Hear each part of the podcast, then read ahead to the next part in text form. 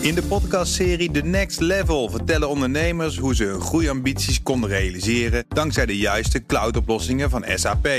Wat waren de uitdagingen, de oplossingen en hoe ging de uiteindelijke implementatie? Benieuwd naar hun verhalen en hoe zij met behulp van SAP ook hun toekomstige ambities kunnen behalen? Luister de podcast The Next Level via de BNR-app of je favoriete podcast-app.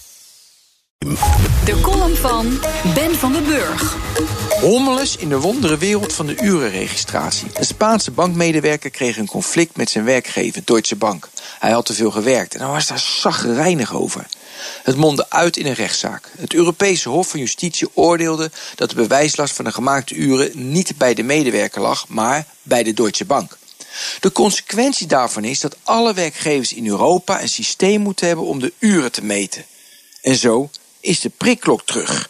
De Europese lidstaten mogen zelf bepalen hoe ze daar invulling aan geven. Zo hoeft een slager geen duur systeem aan te schaffen. Een schriftje voldoet in zo'n geval. Hippe bedrijven zullen het gaan doen met sensoren. Zo maak je keurig je acht uur per dag en hoe productief je bent is niet aan de orde. En deze gang van zaken vinden we natuurlijk schandalig. Frederik Winslow Taylor met zijn Principles of Scientific Management is terug. De mens met zijn gevoel, expressie, empathie en liefde degraderen we wederom tot een radertje in ons economisch stelsel. We dienen mensen te beoordelen op wat ze toevoegen aan kennis, inspiratie en creativiteit. Niet op het aantal gewerkte uren. We zijn geen marionetten. We zijn autonome, zelfbewuste wezens. Vinden we. Je denkt dat we teruggaan naar de vorige eeuw, maar zelfs techmoguls als Amazon of Uber vertonen Tayloriaanse trekjes. Eind april schreef The Verge over de manier waarop productiemedewerkers gevolgd en ontslagen worden door Amazon. De handelingen van iedere individuele medewerker worden ieder moment van de dag nauwkeurig gemonitord. Aan je neus kriebelen betekent tijdverlies. Op je horloge kijken lukt niet. Tijd om aan de ronde van Italië te denken heb je niet. Het werktempo ligt zo hoog dat je continu moet doorbeuken. Hou je de opgelegde werkdruk niet, dan lig je eruit. 10% van de productiemedewerkers vliegen jaarlijks uit, omdat ze de productiviteitsdoelen niet halen. Schrijver Alex Rozenblad schreef in zijn boek Uberland hoe algoritmen de regels van werk bepalen. Niet je baas van vlees en bloed bepaalt wat je moet doen. Dat doet immers een algoritme. Het algoritme nut je op zo'n manier dat je optimaal je werk doet. Je hoeft zelf geen keuzes te maken. Dat doet Uber beter met zijn algoritme.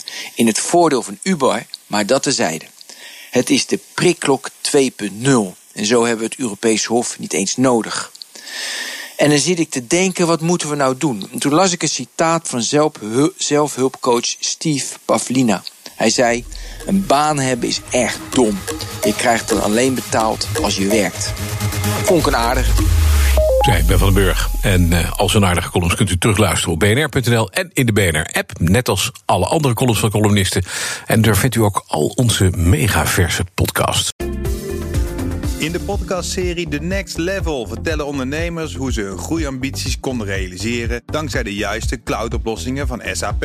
Wat waren de uitdagingen, de oplossingen en hoe ging de uiteindelijke implementatie? Benieuwd naar hun verhalen en hoe zij met behulp van SAP ook hun toekomstige ambities kunnen behalen? Luister de podcast The Next Level via de BNR-app of je favoriete podcast-app.